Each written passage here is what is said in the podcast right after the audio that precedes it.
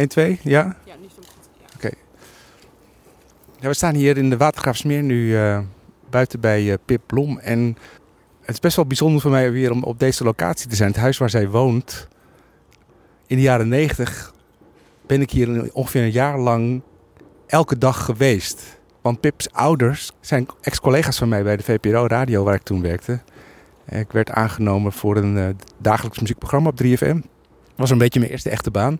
Samen met Erwin Blom, haar vader, heb ik een jaar lang dat programma voorbereid op zijn zolder elke middag.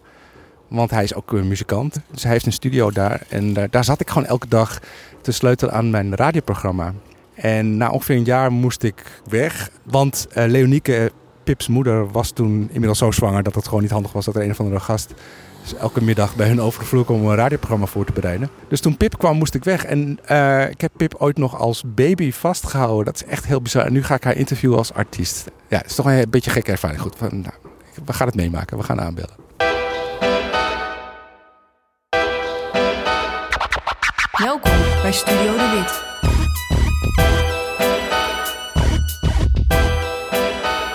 Hallo en welkom bij Studio De Wit, de podcast waarin ik praat met de interessantste Nederlandse popartiesten van nu. In deze tweede serie ga ik op bezoek bij muzikanten die hun ogen scherp gericht hebben op het buitenland. Hoe vinden ze hun weg? Waarom is het ze gelukt? En wat zijn hun dromen en frustraties? In deze tweede aflevering zijn we thuis bij nieuwe wereldveroveraar Pip Blom. In Nederland nog niet super bekend, maar de 22-jarige Amsterdamse zangeres en songwriter toert met haar band wel veel in Engeland, waar ze haar soort stekelige en aanstekelijke indie rock goed weten te waarderen. Gelukkig waren we nog niet veel gewend, want in Hard Park Book Club was het zo dat één speaker het niet deed en de ander was ontploft. Dus je hoorde de hele tijd al de zang was nog. En hoewel ze er nog nooit gespeeld hebben, is er sinds kort ook serieuze interesse uit Amerika.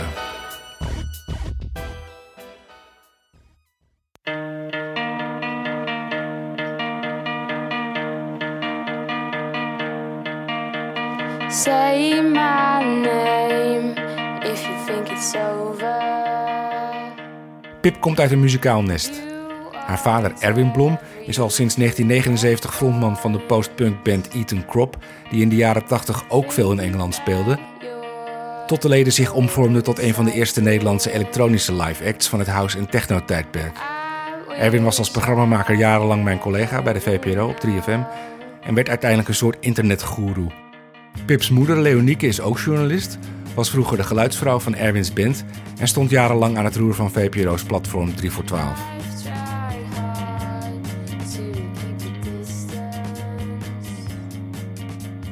Thuis aan de eettafel wil ik alles weten van Pips prille Engelse popsucces.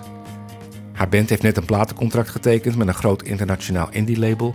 En beneden in de woonkamer is haar moeder de merchandise aan het inpakken voor de zoveelste Britse tournee. Misschien is het heel logisch dat je met zo'n muzikale opvoeding uiteindelijk zelf ook muziek gaat maken. Maar toch ben ik benieuwd hoe ze ooit op het podium is geklommen. Gaat de band uiteindelijk ook in eigen land doorbreken? En wanneer staat Piplom op Glastonbury?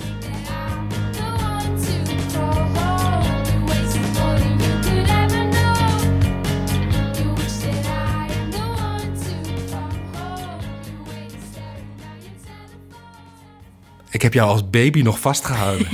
en dan nu een interview doen als gewoon als artiest, dat is toch wel heel, heel gek. Ja. Uh, maar ook wel heel erg leuk. Ehm, en je gaat binnenkort weer voor de zoveelste keer op tournee door Groot-Brittannië. Ja. Voor de hoeveelste keer? Oh, dat, dat zou ik niet. Ik denk dat we, we zitten in, ieder geval boven de tien. Zitten we. Boven de tien tournees? Ja. En een tournee is dan minstens... In ieder geval een week. Ben je een anglofiel? Een wat? Een anglofiel. Wat is dat? Iemand die gewoon alles gaaf vindt wat Engels is, Engelse cultuur. Oh ja, ja, heel erg. Ja, ik uh, vind. Ik hou heel erg van het, van het grijze van Engeland. En een soort van de. Ik weet niet. Ik vind het niet een heel knap volk, maar daarom ook wel heel aantrekkelijk. Dus ja, ik, ben heel, ik hou heel erg van Engeland. Ja. Ben je daardoor muziek gaan maken die daar aanspreekt? Of nou, dat wat weet is de kip en wat is het ei? Ik ben natuurlijk opgegroeid met heel veel. Mijn ouders houden heel erg van de Engelse cultuur en heel erg veel Engelse muziek. Dus ook, zij draaiden voornamelijk veel Engelse muziek. Ook wel Amerikaans, maar wel echt heel veel Engels. Ehm, een goed voorbeeld daarvan is dat toen die eerste plaat van Arctic Monkeys uitkwam, mijn moeder was daar heel erg fan van. En die draaide dan als we op vakantie gingen niks anders in de auto eigenlijk dan dat. Dus ja, als je dat heel erg met de paplepel ingegoten krijgt. En ik heb nooit. Veel mensen hebben als ze jong, als op een gegeven moment gaan ze zich afzetten tegen hun ouders. Uh, dat heb ik eigenlijk nooit zo gehad. Dus ik denk dat daardoor dat ik ook gewoon dat een beetje ben gaan volgen. Um, kijk bijvoorbeeld altijd Glastonbury. Want mijn ouders hebben daar een speciaal tv-abonnement voor genomen, zodat ze dat extra kanaal van de BBC kunnen zien als Glastonbury is. Nou ja, dat soort dingen. Dus het is bijna onontkoombaar, denk ik. Uh, ja. ja, maar ik, ik weet dat je vader ook heel erg van, en je moeder denk ik ook van, van elektronische muziek houdt. En hip-hop ook zelfs. Ja, klopt. Dus het is niet per se voor de hand liggend dat jij dit soort muziek bent gaan maken. Nee, nou ja, dat komt misschien dan omdat ik toen. Ik heb toen een keer meegedaan aan Mooie Noot. Ik zag een. Uh, Wat is dat? Dat is een singer-songwriter wedstrijd in Amsterdam. En het ding is dat ik. Ik maakte niet echt liedjes. Ik kon wel gitaar spelen, soort van niet echt. En toen zag ik opeens een affiche daarvoor hangen. En ik moet even zo uitleggen dat ik ben eigenlijk heel erg verlegen. En niet, ik vind veel dingen best wel eng om te doen. Maar ik kan af en toe van die hele impulsieve uitschieters hebben. Dus ik zag dat en ik was van oké, ik ga dit doen. Dus ik had me aangemeld. Hoe oud was je toen? 16 denk ik of zo. Toen had ik dat tegen mijn moeder gezegd. Die was van ja, maar je hebt nog nooit een liedje gemaakt. Wat ik toen heb gedaan is, we hadden zo'n driesnadige gitaar. Nou ja, lang verhaal kort, daar heb ik toen liedjes mee gemaakt. Ik had er eerst drie gemaakt, allemaal van twee minuten. Toen werd ik uitgekozen en toen moest ik opeens een set van 20 minuten. Nee, maar jij ging ineens een heel repertoire schrijven? Ja. Want ik ging, we gingen op vakantie. En, maar ik had het heel simpel gemaakt. Hè. Ik had dat een mini-gitaartje met die drie snaren. De liedjes duurden niet langer dan twee minuten. Het was gewoon couplet, refrein, couplet, refrein. Niet te min? Nee, nee, nee, dat is waar. Alleen, uh, nou, uiteindelijk heb ik tot de halve finale in de bovenaf van Paradiso gehaald. Wat echt een heel slecht optreden was. Want het was mijn derde keer dat ik ooit in een, voor een publiek stond. En ik was super zenuwachtig. Um, Waarom deed je dit? Ja, dat is een goede. Dat, dat vraag vroeg ik mezelf ook de hele tijd af. ik denk. Maar je hebt er even over na kunnen denken. nou ja, wat, wat ik sowieso daarover kan zeggen is dat ik nooit echt heel veel vrienden heb gehad die van dezelfde muziek houden als ik. Dus ik ben echt vanaf mijn twaalfde tot zeker mijn achttiende, negentiende altijd met mijn moeder naar concerten geweest. Uh, zij nam me ook gewoon mee naar alles. In dus plaats van met vrienden en vrienden. Ja, dus zij zei dan van, uh, ja, dit lijkt wel leuk, ga je mee? Dus dan gingen we daarheen. Zo heb ik dus ook Park Accords ontdekt. Daar ben ik heel erg fan van. En die heb ik toen in de Oude Zaal van de Melkweg gezien met hun eerste plaat. Nou, al dat soort dingen.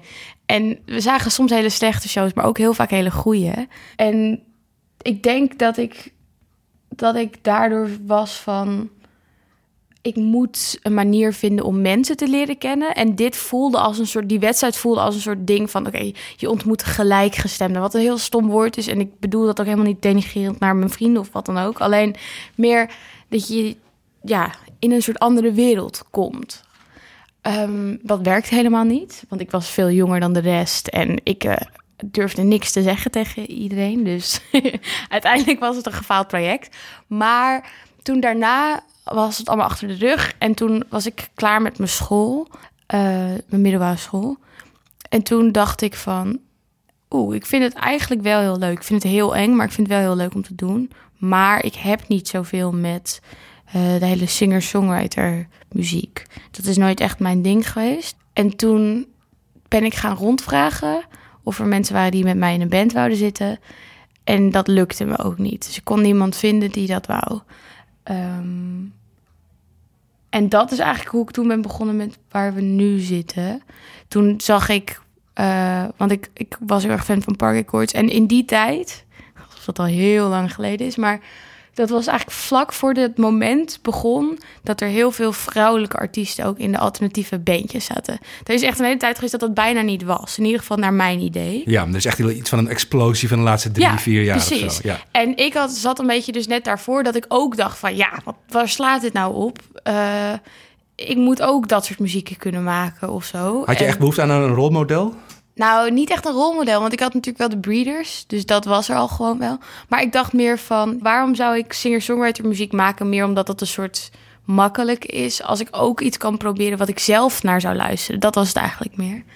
En toen ben ik dus alles zelf gaan soort van inspelen. Maar heeft die competitie wel voor het zelfvertrouwen gezorgd van ik kan zingen, ik kan liedjes schrijven? Nee, nee, helemaal niet. Nee, dat, maar dat is er nog steeds niet. Want ja, kun je liedjes schrijven? I don't know. Er zijn liedjes die jij geschreven hebt. ja, precies. Dus ja, zou ik denken. Ja, I guess. Maar als ik, ver, als ik vergelijk, als ik mijn gitaarkunsten vergelijk of hoe ik liedjes schrijf en ik luister naar andere bands of mensen, daar zitten zoveel meer lagen in en dingetjes en dat heb ik allemaal niet. Eh, dat kan ook de kracht zijn, daar niet van. Dus, maar dat, ik denk dat die onzekerheid eigenlijk altijd wel blijft.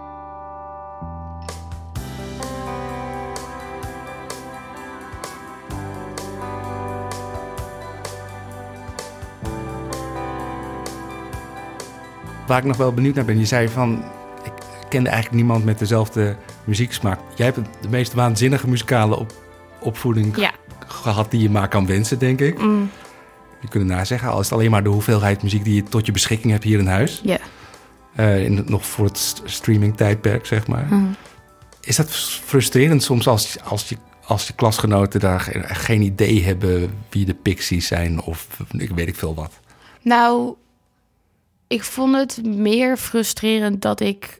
Ja, nee, dat vond ik heel frustrerend. Ik vond het heel moeilijk om een soort van. Leef je hier in een soort van parallel universum? Nou, dat idee had ik heel erg. Dat ik. Dat ik ik heb, dus- ik heb vriendinnen van de middelbare school en van de basisschool. Daar kan ik het heel goed mee vinden. Maar ik miste gewoon heel erg eh, dat hetgene wat voor mij altijd het allerbelangrijkste is geweest, namelijk muziek. Of ik daar nou ging om luisteren of maken. Dat, zij, dat we dat niet deelden of zo. En naast dat ik dus die mensen niet kende, had ik ook nog eens het idee dat ik vrij verlegen was. Dat was ik ook echt, dat ben ik nog steeds. En dat ik het dus heel eng vond om mensen aan te spreken. En ik heb daar wel ook op een bepaald punt echt wel actief heel erg ben ik daarna gaan zoeken door vrijwilligerswerk te gaan doen. Bijvoorbeeld bij Into the Great Wide Open. Nou, dat liep helemaal uit op een fiasco, want ik raakte mijn telefoon kwijt de eerste dag. En toen bleek ik ook nog eens niet contact te krijgen. Dus ik heb zeven dagen huilend in mijn tent gelegen. Naast die shifts. Ik heb al die dingen gedaan. Ik ben interviews gaan doen met mensen uit de muziekindustrie... in de hoop dat ik daar dan vrienden uit zou maken. En natuurlijk, achteraf denk ik ook van... ja, dat is niet hoe je vrienden maakt. Maar het heeft me wel heel erg geholpen... omdat ik gewoon dingen ben gaan doen die ik eigenlijk doodeng vond. Ja. En eh, mezelf wel daar elke keer toe heb gezet. En dan misschien wel ook weer huilend op de fiets heen. Van ik wil dit niet, maar ik heb nu een afspraak, dus ik kan niet meer terug. Maar achteraf vond ik het dan wel heel cool of zo. Ja. Want die, die liedjes van anderhalf, twee minuten waar je het net over had, die Mhm. heb je ook wel gewoon allemaal uitgebracht. Ja, ja, zeker. Ja. Had je ook gewoon op je harde schijf kunnen laten staan. Ja, ja, ze staan nog steeds online. Ja, mij. je kunt ze bij Bandcamp eh, Ja. zo binnenhalen. Ja. ja, omdat ik ook wel, weet je, ik hou niet zo van. Ik bedoel, ik heb ook liedjes gemaakt. eh, ons meest geluisterde liedje is een liedje waar ik totaal niet achter sta inmiddels. Ehm, maar ja, om dat nou offline te halen, het hoort wel bij het hele traject wat wij aan het afleggen zijn. En ik heb er natuurlijk op een gegeven moment een soort keuze in gemaakt om dat vrij publiekelijk te doen. Dus een soort van alsof je opgroeit op social media. Ehm, en dat vind ik ook wel een soort zijn charme hebben. Omdat je daardoor, als je van een band houdt en je ontwikkelt mee of zo op een bepaalde manier. Ja, dat vind ik ook wel iets cools. Terwijl ik het zelf ook heel kut vind. Want ja, dat liedje vind ik echt wel schuwelijk. maar goed, ja. Eh, Ik zat er van de week nog naar een paar liedjes te luisteren. Eh, het nummer Dope, die op Ja. ja. vond, dat vond ik toen ook al een best goed nummer. A day. But these mountains look all the same. The road is long, the struggle tough. And we all know what is not enough. Als je daar een band bij denkt, is het eigenlijk niet zo heel erg ver van waar je nu mee bezig bent. Nee, ja, het enige is gewoon dat het, dat het net iets meer straightforward nog is. Dus het is echt, echt couplet, refrein, couplet, refrein. Maar qua genre of zo, kan, ligt dat dan wel al best wel in dat hoekje. The best. Stronger, faster than the rest. Ik ben heel erg benieuwd hoe je muziek in Engeland terecht is gekomen. Ehm, wat er is gebeurd is dat een producer van Mark Riley, die heeft Radiopresentator? Ja, van BBC Six is dat. Die heeft ons liedje in haar, volgens mij was het Daily Mix of zo gekregen, zoiets. En Gewoon die- door het algoritme ja, gestuurd. Ja, omdat wij toen, waar we heel erg geluk mee hebben gehad, wij stonden in de allereerste niet, de- het De is, New Music Friday. nee, die ook niet. Het is een soort van... ehm, nou, ik ben helemaal de naam vergeten. Maar je hebt zo'n lijst. En die wordt gemaakt op basis van dat mensen iets zeggen... Dat er veel gezegd wordt over een bepaalde... Naast je eigen Discover Weekly en Release Radar zijn er talloze officiële playlisten te vinden op Spotify. Het is dé manier waarop ze je naar nieuwe muziek willen laten luisteren. De ene playlist heeft meer redactionele input dan de ander. En een playlist die virale hits naar boven brengt, houdt heel goed in de gaten welke mensen naar welke muziek luisteren en presenteert die vervolgens weer aan een groter publiek. Die computerprogramma's zijn zo geschreven dat je vaak verrassend goed krijgt voorgeschoteld wat voor jou lekker klinkt. Op YouTube gaat het al net zo. Je luistert naar het een en YouTube heeft al uitgerekend wat je daarna zou willen horen. Dat zijn algoritmes. En als je op die manier als Nederlandse artiest in Engeland aanslaat, kan het virus zich daar sneller dan ooit verspreiden. Ehm, eerst, nu heb je in allemaal thema's. Heb je dus je hebt de alternatief, wat dan ook. Maar toen had je dat niet. Dus wat internationaal was er maar één lijst. En het was op dat moment heel aantrekkelijk, omdat het een soort nieuw iets was. Namelijk op basis van. Stel dat jij iets over mij zou zeggen op Twitter. En ehm, aan jou zit dan een bepaalde waarde. Als je een soort muziekkenner Berekenbaar. bent of zo. Ja, nou ja, sowieso. Maar als dat dan gebeurt, dan als er genoeg mensen dat deden, dan kwam je in die lijst. Oh, Dat was een soort op basis van de tastemakers eigenlijk. Ehm, ja, en daar zaten we dus in. En dat heeft toen heel veel soort van gedaan voor ons. ja. Maar dat heeft allemaal. Het grappige is inderdaad, ik krijg. Ik krijg niet eens heel vaak de vraag of mijn vader er iets mee te maken heeft of mijn moeder. Maar het wordt heel veel aangenomen dat ze er iets mee te maken hebben. Ehm, en dat is gewoon niet zo. Maar in Engeland wordt het op geen enkele manier gesuggereerd. Eh, wat ik altijd heel fijn vind, omdat wat, wat ik denk dat, en ik, dat, wil, dat heb ik niet met jou, maar wat ik heel moeilijk vind is. ehm, ik wil natuurlijk niet soort van mezelf verdedigen op de manier dat ik zeg van oh, ik maak hele goede muziek. Maar als je in gedachten houdt dat een radio-dj of een, iemand die een playlist maakt of ja, noem het maar op. Het gaat er uiteindelijk wel om dat ze het goed vinden. Tuurlijk, ja. Ik heb, ik heb dat zelf ook gedaan natuurlijk. Ik- Ja. Ik ga niet iets draaien Nee, omdat je de dochter bent van iemand die ik ken. Precies, want dat, als je dat doet, dat is helemaal niet goed voor jouw eigen soort credibility. Als je het zelf niet goed vindt. En ik vind het dan heel jammer dat dat wel een ding is wat blijft. Dat mensen een soort van. Er zit een soort soms een soort zure vlaag in. Dat mensen suggereren dat het gewoon echt komt omdat mijn ouders dat doen. En ik kan niet ontkennen dat ik er heel veel aan heb. Als in, ik kan met hun het over alles hebben. Zij denken heel erg mee over dingen. Wat is handig? Ehm, en ze hebben ook inderdaad, als mijn vader in het begin iets op Facebook plaatste, dan waren er natuurlijk allemaal mensen die dat dan zagen, die ik zelf niet had kunnen bereiken. Maar wat wij nu in Engeland doen, dat heeft niks meer met mijn ouders te maken. Nee.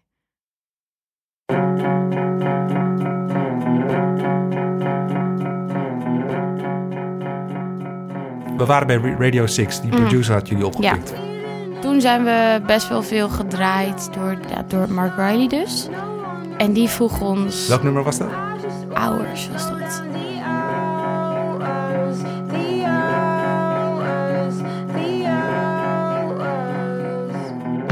En die vroeg ons of we een sessie wouden komen doen. En Maar iemand pikt het op, sorry, via Spotify. Die heeft dan een, eh, een betere file nodig om te draaien op de radio waarschijnlijk. En dan krijg je dan ineens een mailtje van... Goh, kunnen Mhm. Ja. jullie het liedje sturen, we willen het draaien? Ja.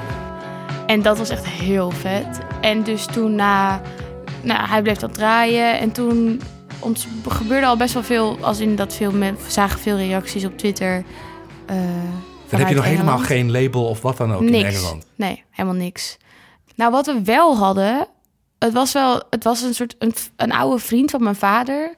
Die, niks, die werkt als fotograaf. Dus die heeft niks meer met muziek. Maar die had samen met een andere vriend van hem... had had Hours en Truth hadden ze op een eh, vinyl laten drukken. Omdat ze het hadden gehoord en ze vonden het heel cool. Maar dat was niet echt een label. Het was meer iemand die een soort van dat had laten drukken. Zodat wij niet dat geld hoefden te betalen eerst. En dan een soort, soort vo- voorschot eigenlijk Hmm. of zo. Op. Dat was je eerste echte product. Ja, ja, en dat kwam dus toen uit. En toen ehm, nou, werd het gedraaid, vrij regelmatig. En toen kregen we dus dat mailtje of we dat leuk vonden om langs te komen voor die sessie.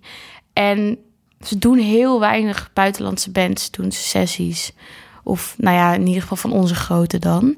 Dus dat was echt van, wow, dat is echt super vet. Ehm, maar ja, we hadden wel zoiets van, dan moeten we helemaal op en neer naar Engeland. Misschien kunnen we er nog iets omheen doen. Dus toen zijn we al de mensen die er iets over hadden gezegd online gaan mailen, journalisten. Um, wat er toen is gebeurd, is dat de mensen die ons onze single hadden uitgebracht, die hebben een show neergezet in Norwich.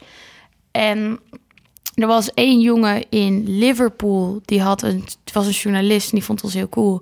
Die heeft toen een show voor ons zelf georganiseerd. Dat was de eerste keer dat hij dat ooit had gedaan. In een pizzabar, dat heette McGuire's Pizza Bar. Uh, heel cool was dat. En dan was het eigenlijk ook nou, nog best wel druk of zo. Helemaal niet vol, maar wel gewoon meer dan twintig man die er waren. En we hadden nog een show in de... Ik denk dat het de Hyde Park Book Club was. En dat was in Leeds. En dat was ook een vriend van via Facebook, die dan, nou ja, weet je wel, een soort kennis die dat had zelf. Een complete Engelse tournee. Ja, gelukkig waren we nog niet veel gewend, want in Hard Park Book Club was het zo dat één speaker het niet deed en de ander was ontploft. Dus je hoorde de hele tijd al de zang was dan. En het ging heel snel rondzingen. Maar het was wel best wel druk en mensen hadden er heel erg zin in. Dus daardoor was het gewoon ja, echt heel erg leuk. Je hebt ook nog filmpjes daarvan staan nog online ja, je hebt allemaal van dat soort dingen die we dan ja, ik weet niet. Maar Engelse muziekliefhebbers hebben een soort heel erg enthousiast iets. Kan ook heel vervelend zijn hoor, want ze kunnen heel veel drinken en heel erg irritant worden. Maar ze hebben wel echt, het zit een soort van als voetbal bijna bij hun. Uh, bijvoorbeeld, mijn moeder heeft een opname van de Arctic Monkeys in de bovenzaal spelen van Paradiso de eerste keer. Ja, was ik ook. En die zaal staat bijna helemaal vol met Britten. Ja. Dat hoor je ook op die opname. En het is zo vet dat ze dan dat gewoon achtervolgen en daar zijn met z'n allen of zo. En en wij zijn helemaal niet groot of wat dan ook. Want we zijn nog ook een beginnende band in Engeland natuurlijk. Maar wel, je merkt een soort van... Ja, ik weet het niet. Gewoon een soort passie of zo. En dat is ook als mensen dan bij de show zijn, ook al zijn er maar tien mensen, uh, ze, ze, zijn er wel allemaal echt. En dat vind ik gewoon heel leuk. Ja, dat mis je echt hier. Dat, heb, dat, maak je hier in Nederland eigenlijk nauwelijks mee. Nou, wij niet. Ik weet wel dat voor andere bands geldt dat wel. Uh, ik weet bijvoorbeeld dat als we met Ken Shaker Pie hebben, we, ben ik ga ik wel eens mee. En die kunnen wel dat soort shows hebben. Maar wij hebben, het is ons nog niet gelukt om mm. een soort eigen publiek aan te boren in Nederland. Maar ja, er zijn, we zijn er ook mee bezig. Um, het is niet zo dat je Nederland helemaal links laat liggen. Nee, maar we proberen wel gefocust in Nederland te spelen, omdat um, het is dan leuker om gewoon maar een paar shows te doen die echt heel leuk zijn en dat er dan meer mensen naartoe komen dan heel veel en veel lege zalen. Nee, dat, lijkt, dat lijkt me ook niks. Nee.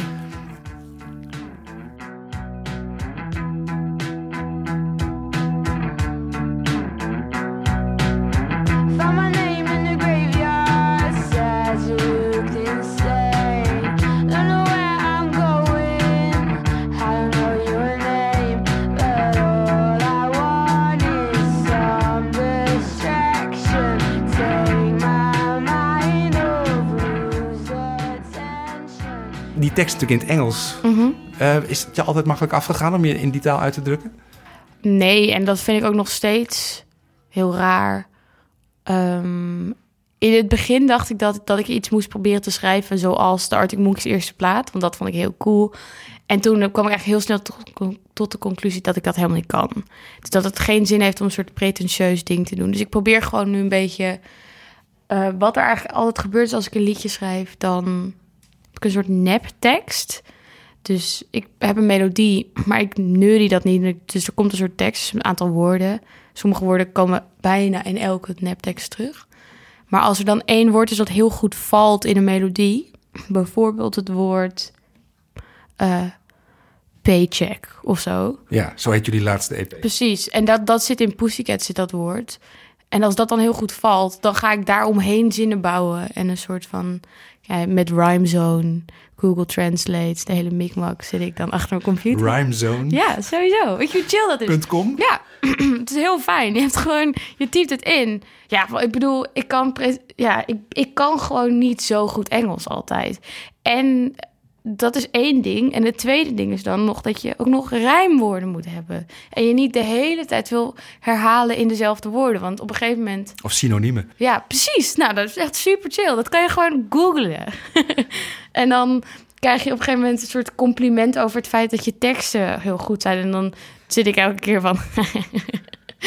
je moest eens weten hoe ik ze schrijf. Maar ja, daar ben ik heel eerlijk over. Dat, ja. Maar betekenen ze wel iets voor je? Sommige wel, sommige niet. Ja. Het is, er zitten delen in die altijd wel iets betekenen. En delen die niet iets betekenen. Eh Pussycat betekent helemaal niks. Dat zijn eigenlijk... ehm, wat ik daar heb gedaan is... Maar dat is een van de weinigen hoor, die echt niks betekent. Ik heb heel veel liedjes opgeschreven. De titels daarvan. En daar heb ik geprobeerd een tekst van te maken. Dus je zet eerst een titel neer Ja. en dan denk je, wat zou daarvoor een liedje bij passen? Ja, dus bijna elke... Of nee, maar dit is alleen Pussycat bestaat. Dus de hele tekst bestaat uit songnamen. dus bijvoorbeeld... ehm, moet ik even denken...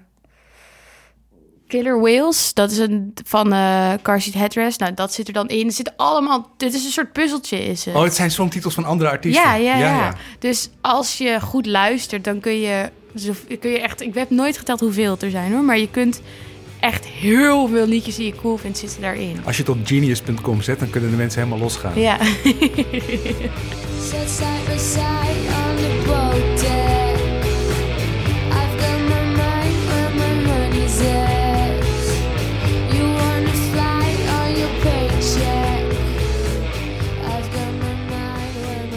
Is Pip Blom een solo-artiest met een begeleidingsband? Of is het de naam van een band waar jij de frontpersoon van bent? Of eh, hoe moet ik dat eigenlijk zien? Mm, ik zou dat, dat laatste doen, eh, zeggen.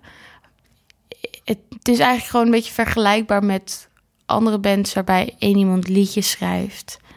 en dan vervolgens je met z'n allen dat nog gaat aanpassen... en je eigen plasje eroverheen doet. En dat wordt dan het eindresultaat. Ehm, het is alleen meer omdat we vanaf het begin... omdat ik toen alleen was, is het mijn naam gebleven... en nu is dat nog steeds zo. En Maar jij schrijft toch ook alle liedjes ja, ja. en de teksten dus? Ja. ja, maar aan de andere kant, het probleem is wel... Je, komt dan wel, je wordt wel sneller in een hoekje geplaatst. Namelijk, eh, wij worden nog steeds heel regelmatig gevraagd voor... of ik solo dingen zou kunnen doen of dat soort gedoe. Terwijl dat doen we niet. We zijn gewoon een band, ja. Maar ik ben natuurlijk wel... Het heet wel Pip Blom, dus dat kan verwarrend zijn. Ja, wel Frans Ferdinand heet ook Frans Ferdinand. Dat had ook de zanger kunnen zijn. ja maar dat is, dat is niet iemand die Frans Ferdinand heet. Nee, maar dat wisten ze in het begin toch nog niet? Ik denk dat veel mensen wel snapten dat het een Ja. verwijzing was naar de Eerste Wereldoorlog. Maar ja, PJ Harvey bijvoorbeeld. Hm. Maar die is, is die niet wel echt meer solo? Ja, maar dat was in het begin wel echt een trio. Ja? Oké. Maar goed, en, Ze heeft ze wel ontslagen. Ja. Of ze zijn opgestapt. Nena is een goed voorbeeld. Nena, dat ken ik. Dat is zoals van 99 Luftballons. Dat ken alleen dat liedje. Ja, ik ook. maar goed, de band heette Nena en zij heette Nena. Oké, goed, dit terzijde.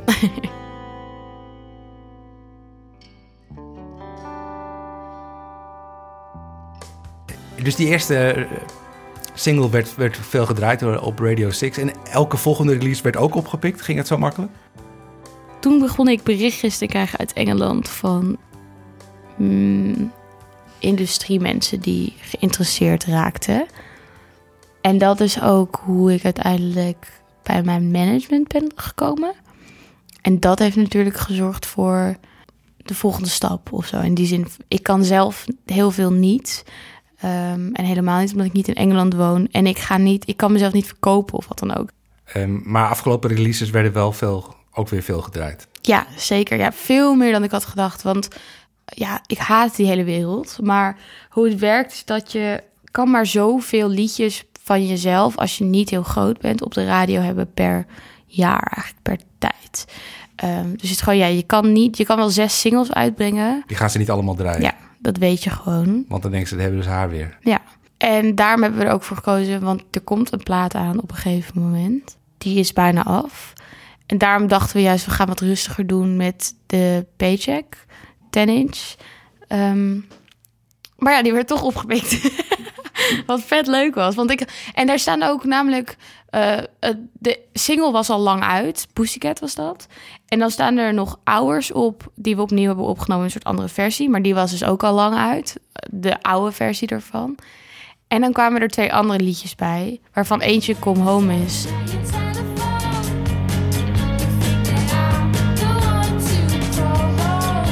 En die is heel goed opgepikt.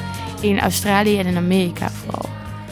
Ehm, Hoe kan dat dan? Want ik zag dat jullie eh, Ja. stonden op Stereogum, op Spin, op Rolling Stone. Dat zijn drie van de grootste Amerikaanse Ja. muzieksites. Nou ja, het is, het is natuurlijk wel zo. We hebben daar mensen. Je betaalt iemand om je PR te doen. Ehm, maar dat zegt natuurlijk ook. Je hebt een goed iemand nodig met goede contacten en die zich goed kan verkopen. Maar en kennelijk is dat goed gelukt. Dus ja, daar hebben we wel een team voor. Dus het is niet. Het komt niet uit- dat komt in ieder geval niet uit de lucht vallen. Als in. Aan de andere kant zal dat altijd een combinatie zijn. En ik zit niet bij Stereogum. Dus ik weet ook niet of zij eerst het al hebben langs zien komen op. op Noisy of wat dan ook. En dan denk ik van, hé, hey, dat is wel vet. Laten we er ook iets mee doen. Want er zijn natuurlijk talloze bandjes die dat proberen. Precies. Ja, maar iedereen heeft bijna een PR-mens.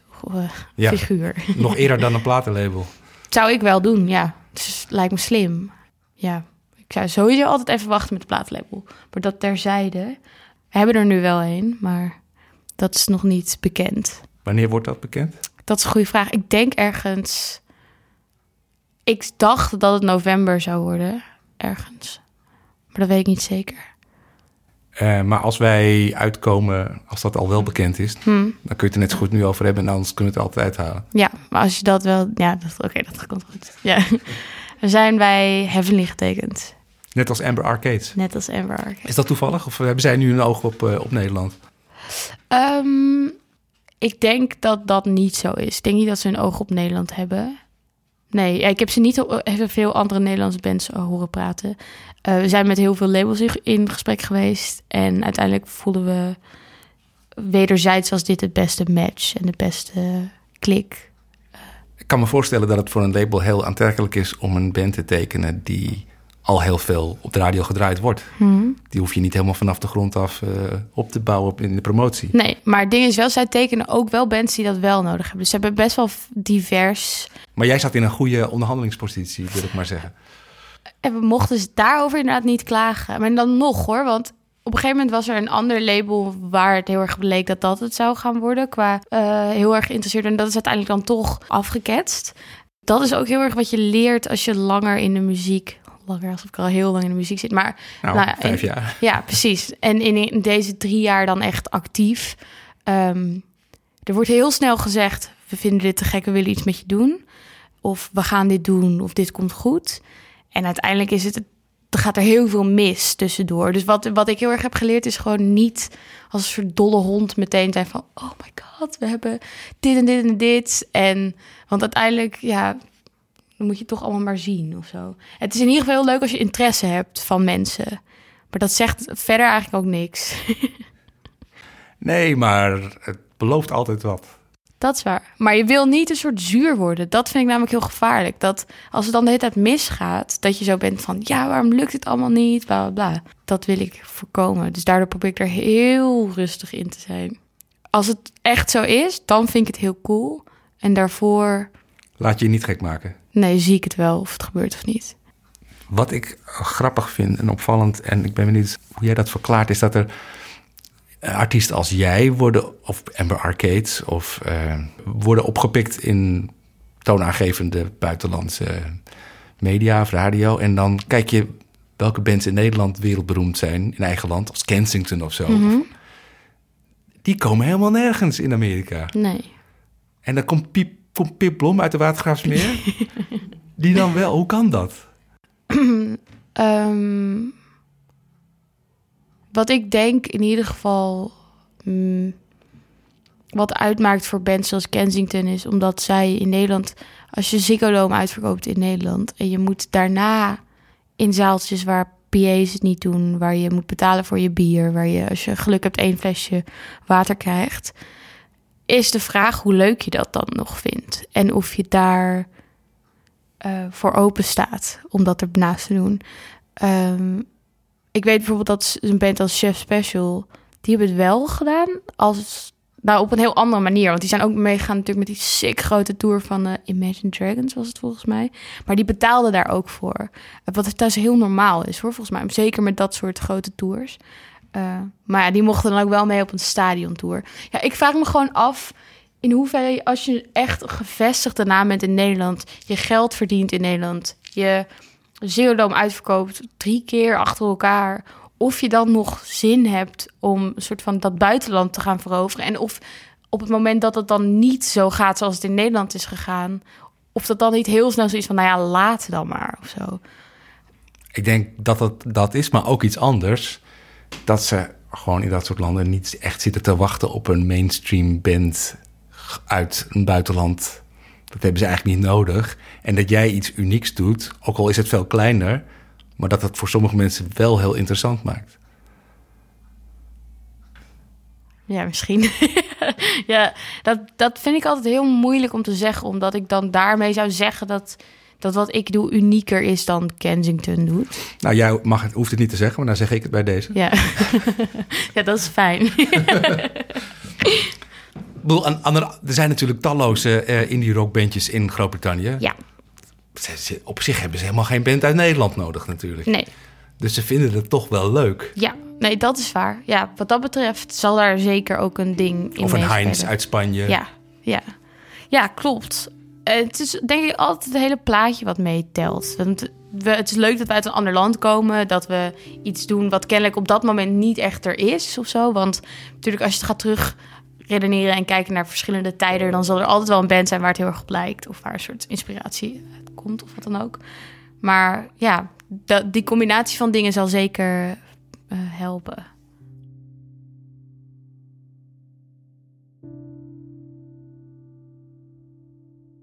Wat zijn je ambities voor 2019? Glastonbury. Ja. Je hebt het al talloze keer op televisie gezien. Ben je er ook een keer geweest? Nee. Nee. Je hebt ook heel veel podia. Je gaat echt niet meteen op de Pyramid Stage staan natuurlijk. Nee. Dus je weet vast ook al wel welk podium wel. Um, dat is heel moeilijk om te zeggen, omdat als je Glastonbury kijkt, sowieso. Oké, er gaan nu twee dingen tegelijk door mijn hoofd. Dat is moeilijk. Als je Glastonbury kijkt, zijn er, zie je wel alleen maar de grote stages. Dus je ziet Pyramid, Other, John Peel. Um, die voornamelijk. En de sessies zijn er heel veel uit. En omdat ik er nooit ben geweest, kan ik, ken ik al die kleine natuurlijk niet daardoor. Wat ik wel weet is, ik wil er alleen staan als we op een goede plek staan. Anders wachten we gewoon. Want ik ben niet van mening dat het altijd slim is om meteen dat soort dingen te doen. Soms is het ook het is helemaal prima om gewoon even te wachten. Eerst andere dingen te doen, kleinere festivals te doen. Of grote festivals, maar dat ze dingen rustig opbouwen. En dan op het plek waar je het allerliefst wil staan, namelijk Glastonbury, dan ook gewoon wel op die John Peel stage te mogen staan. Dus als dat 2020 wordt, is het ook goed? Helemaal prima. Oké. Maar het is wel het doel. Dat is een beetje het ding. Ik ben, ja, ik ben nog steeds heel erg voor een soort aimen gewoon wel te zijn van oké, dit willen we heel graag doen. Dus we gaan alles in het teken zetten om dat te doen. En als het niet lukt, is het fijn. Maar dan hebben we wel een soort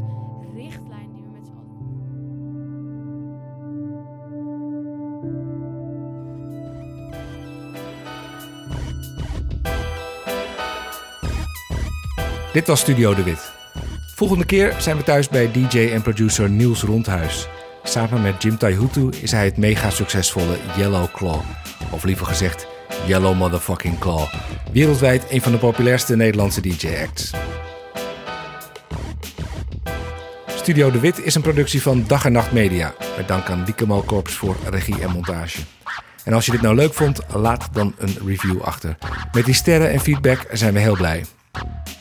En alle muziek uit alle afleveringen van Studio De Wit, van Thomas Azier tot Pip Blom, vind je ook in onze Studio De Wit playlist op Spotify.